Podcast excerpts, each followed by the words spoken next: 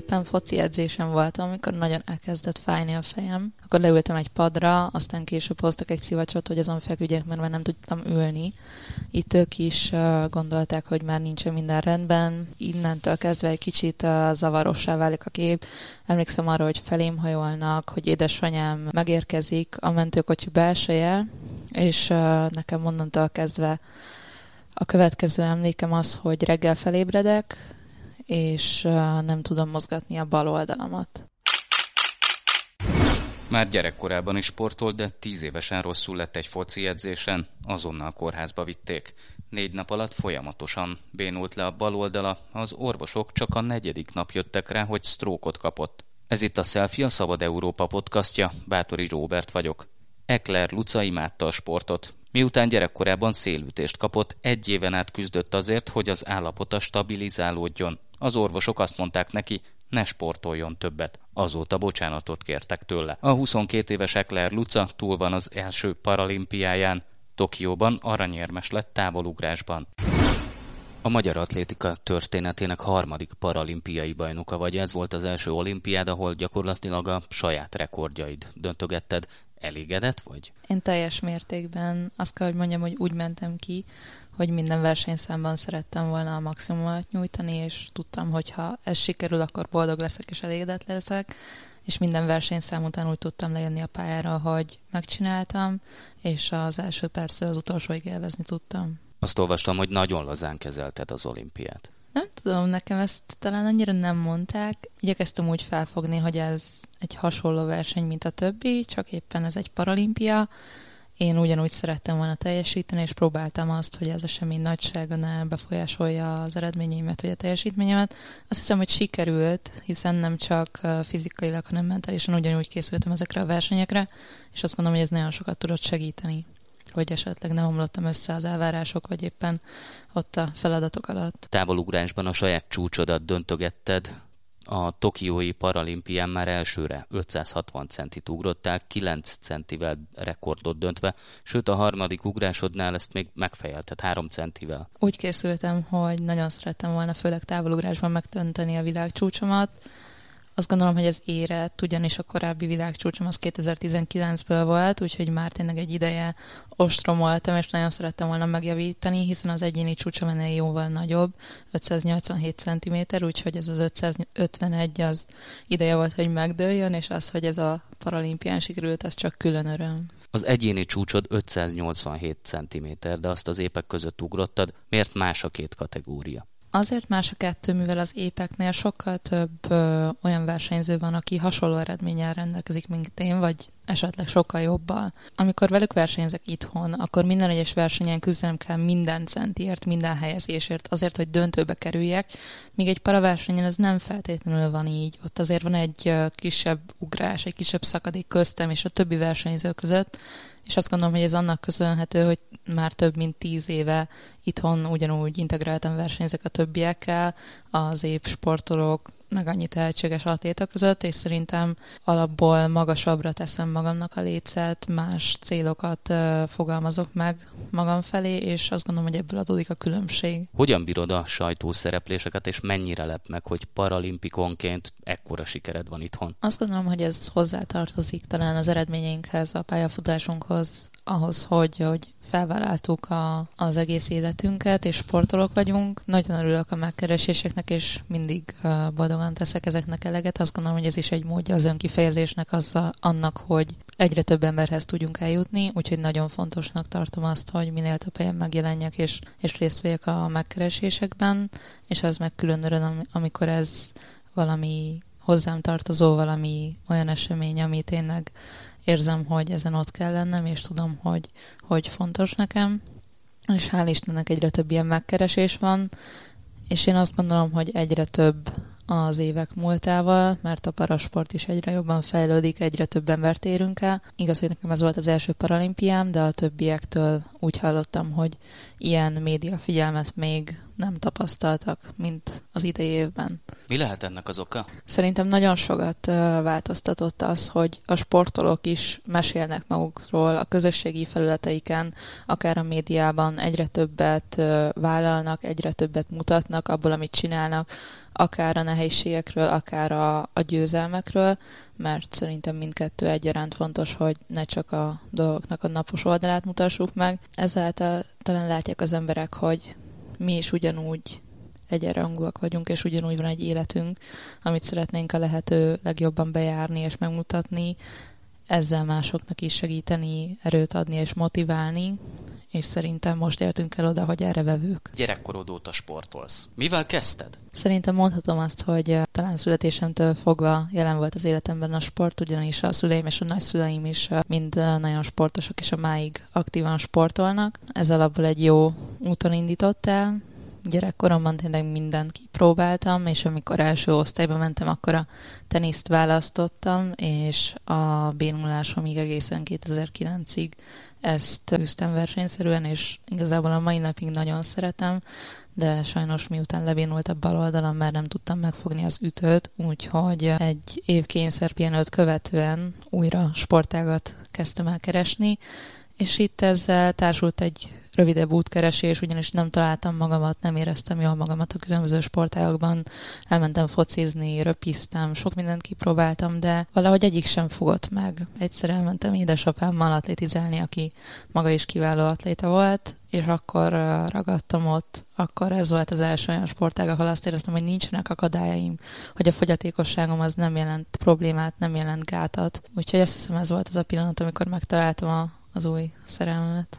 Tíz éves korodban kaptál sztrókot. Vannak arról emlékeid, hogy ez az egész hogy következett be? Mire emlékszel ebből? Éppen foci edzésem voltam, amikor nagyon elkezdett fájni a fejem, E, nem voltam amúgy ilyen hisztis kislány, és tényleg nem, nem szerettem szólni, hogyha valami bajom van, de egy idő után jeleztem az edzőnek, hogy nem érzem jól magam, ki kell mennem. Akkor leültem egy padra, aztán később hoztak egy szivacsot, hogy azon feküdjek, mert már nem tudtam ülni. Itt ők is gondolták, hogy már nincsen minden rendben. Kaptam nagyon furcsa kérdéseket, mint úgy furcsákat, hogy mi a nevem, hol lakok, amire tényleg bárki tud válaszolni és nem értettem, hogy miért kérdezik ezeket tőlem. Ők már valószínűleg tudták, hogy nincsen minden rendben, és innentől kezdve egy kicsit uh, zavarossá válik a kép. Emlékszem arra, hogy felém hajolnak, hogy édesanyám megérkezik a mentőkocsi belseje, és nekem onnantól kezdve a következő emlékem az, hogy reggel felébredek, és nem tudom mozgatni a bal oldalamat. Itt közben eltelt négy nap, amit az anyam nekem kitörölt, amire nem emlékszem. Ez alatt én ben voltam megfigyelésen a kórházban, és fokozatosan bénult le a bal oldalam, a kezem, a lábam, arcom. De ez, ez a négy nap, ez kiesett, ez nincsen meg. És igazából utána az van meg, hogy felébredek, és, és már egy másik állapotban találtam magam. Ez a bénulási folyamat, ez fokozatos volt, és amikor bekerültél a kórházba, kapásból nem derült ki az orvosok számára, hogy mi történt veled. Mikor jöttek rá, hogy ez valószínűleg stroke lehet? Igen, ez így van. Az elején talán az is volt a szerencsém, hogy megfigyelés miatt bent tartottak, mert nem tudták, hogy, hogy, hogy miért lettem rosszul. Az a négy nap, amit mondtam, hogy kiesett, az igazából egy fokozatos bénulási folyamat volt, egy, egy lassú lefolyású stroke következtében. Ez úgy nézett ki, hogy az első nap az orvosok elmondása szerint én még együtt játszottam a többi gyerekkel, kimentem a korteremből, a második nap egy kicsit már uh, talán visszahúzódóbb voltam, és, és látták, hogy valami nincsen rendben, de ők se tudták megmondani, hogy mi történik.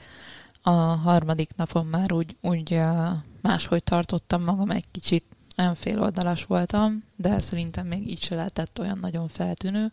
És a negyedik nap volt talán a, a vízválasztó, mert uh, itt a, a folyoson már tényleg a, a folyosó oldalán a korlátnál közlekedtem, és, és húztam is a lábamat.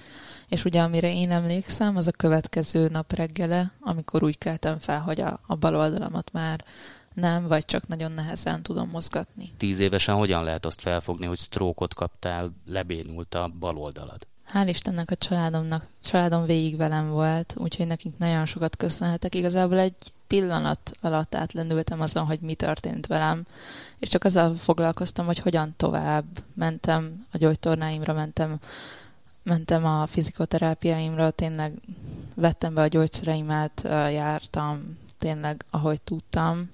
Azt gondolom, hogy ez nagyon nagyban köszönhető annak, hogy fiatal voltam, azért gyorsan elindultak a, a rehabilitációs folyamatok, tényleg elkezdtük a kezeléseket, és én, én mentem az egészen, úgymond úsztam az ártal, vitettem magamat, nem foglalkoztam azzal, hogy miért történt ez velem, vagy hogy, vagy hogy mitől lehetett, mert erre a kérdésre máig nem tudnak válaszolni, úgyhogy azt gondolom, hogy gyerekként ez még a könnyebb része volt.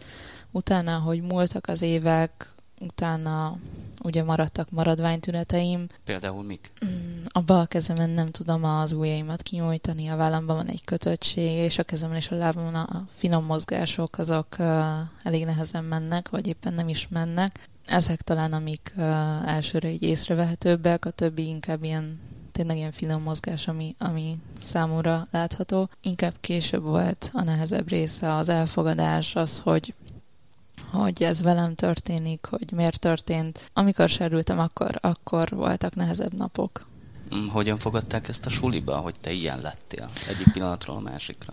Uh, nem is tudom hányadik napon, de az osztályomnak a nagy része meglátogatott, és tényleg végig támogattak. Az elején egy-egy napokat mehettem vissza az iskolába, és, és mindig ugyanúgy fogadtak. Az elején talán egy kicsit így féltek, mert nem tudták, hogy pontosan hogyan kezeljenek, hogy bánjanak emiatt velem másként, de hál' Istennek nem bántak, amit én így utólag, amiért nagyon hálás vagyok nekik, mert egyből visszafogadtak, egyből vártak, tényleg rengeteg olyan üzenetet kaptam tőlük, hogy elég várják, hogy visszaérják, hogy a bulást kívántak.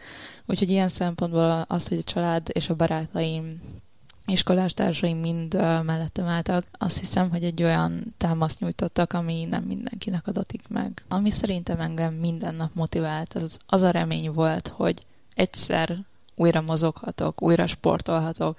Tényleg csak ott szerettem volna lenni az iskolában a többi gyerekkel, együtt szerettem volna játszani velük, együtt szerettem volna sportolni velük, vissza szerettem volna menni a családomhoz.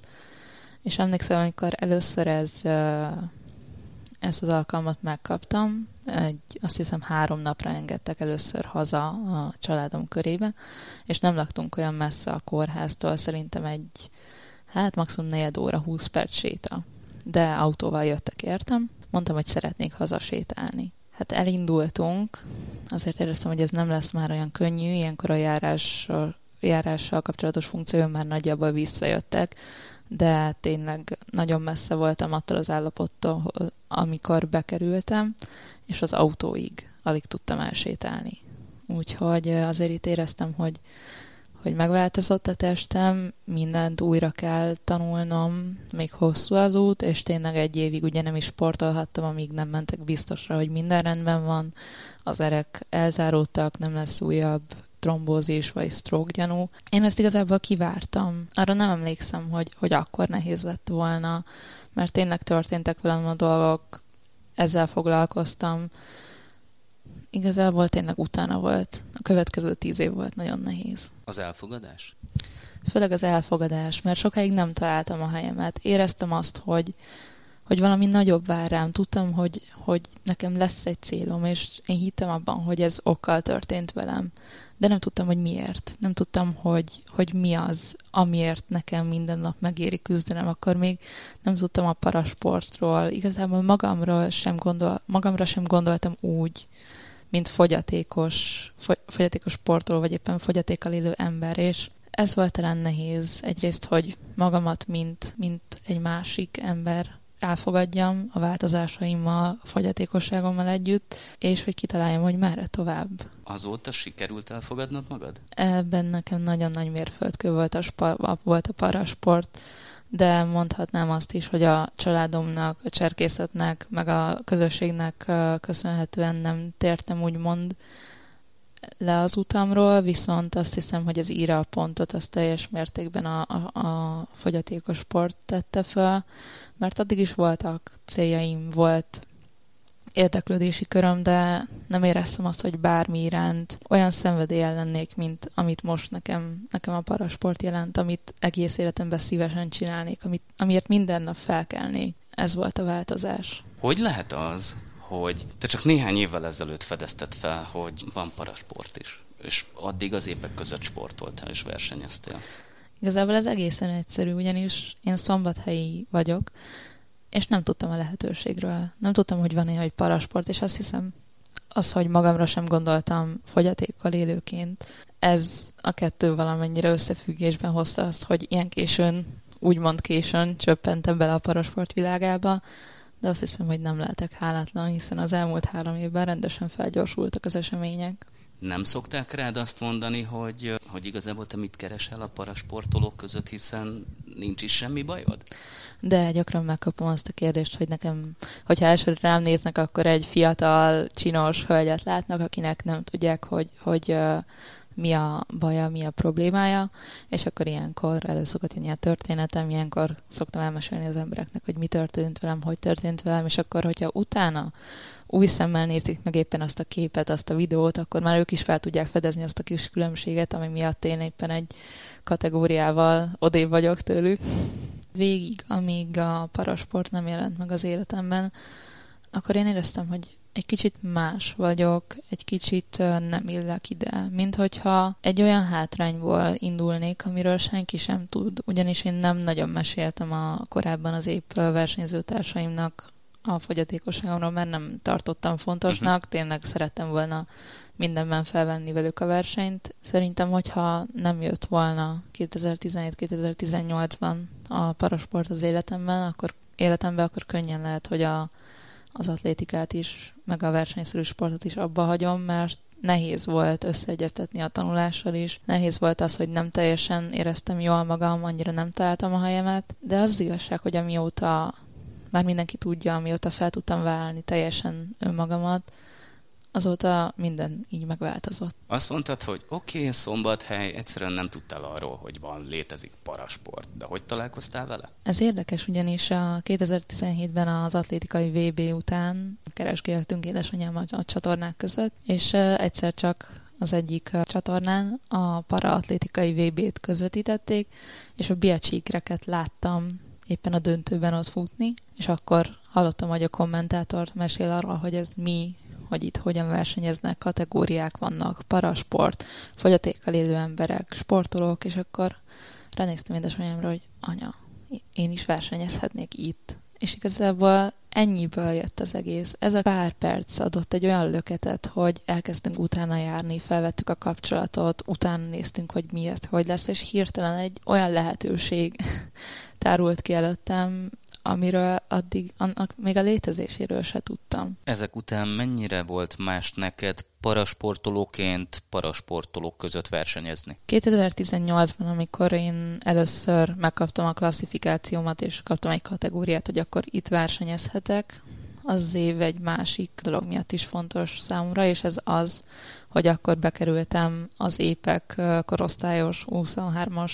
válogatottjába is, úgyhogy ebbe az évben az épeknél és a parasportolóknál is válogatott voltam. Számomra mindig egy mérföldkő lesz, hogy tényleg mindenhol úgymond megálltam a helyemet. És amikor elutaztam Olaszországba az első paraversenyemre, az első világkupára, megkaptam a kategóriát, a T38-as kategóriába soroltak be, és azt kell, hogy mondjam, amikor először kimentem ott a pályára, először versenyeztem hozzám hasonlókkal, találkoztam olyan sérültségű emberekkel, mint én, akkor éreztem azt, hogy megtaláltam a helyemet.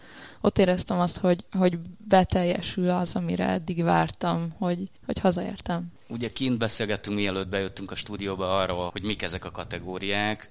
Én most megnéztem ezt a T38-as kategóriát, ami úgy hangzik, mint egy Terminátor specifikációnak a neve. De hogy mi ez? Mert hogy az emberek többsége nincs ezzel tisztában. T betű a T38-ból a track and field, vagyis ugye az atlétikának a futó és az ugró számait takarja. Ugye ez egy angol rövidítésből eredő betű kombináció hogyha egy F betű lenne például a számom előtt, akkor az a dobó számokat jelenti, de oda egyelőre nem tervezek még indulást.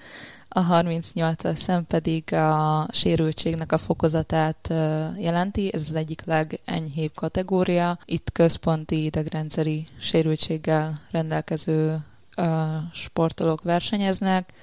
Ide sorolható például egy ideggyengeség, izombénulás vagy izomsorvadással, izomgyengeséggel rendelkező versenyző is. A magyar állam egyébként megnövelte az olimpikonoknak járó díjakat, de hogy még mindig azt látjuk, hogy az épp sportolók dupla annyi pénzt kapnak az érmekért, illetve a helyezésekért, mint a parasportolók. Ez így fair? Azt gondolom, hogy ez egy nehéz kérdés, mert erre nem lehet jól válaszolni, hiszen mindkét oldalon ott van ugyanaz az elvégzett munka, azt gondolom, hogy ez minden sportágban mégis valamennyire más. Nem feltétlenül dolgozik akár egy parasportoló, akár egy, egy épp sportoló ugyanannyit. Szerintem mindkettőjük felé elbillenhet a mérleg, hogy ki dolgozik kevesebbet, többet. Én talán nem is erről az oldalról közelíteném meg, mert, mert nem lehet tudni hogy ki mögött milyen munka van, milyen küzdelem, mennyi sérülés, milyen fáradtság, de azt gondolom, hogy ez, ez, ez mindkét oldalon megtalálható. Ugye nálunk a paralimpián viszont több kategóriában osztanak ki több érmet.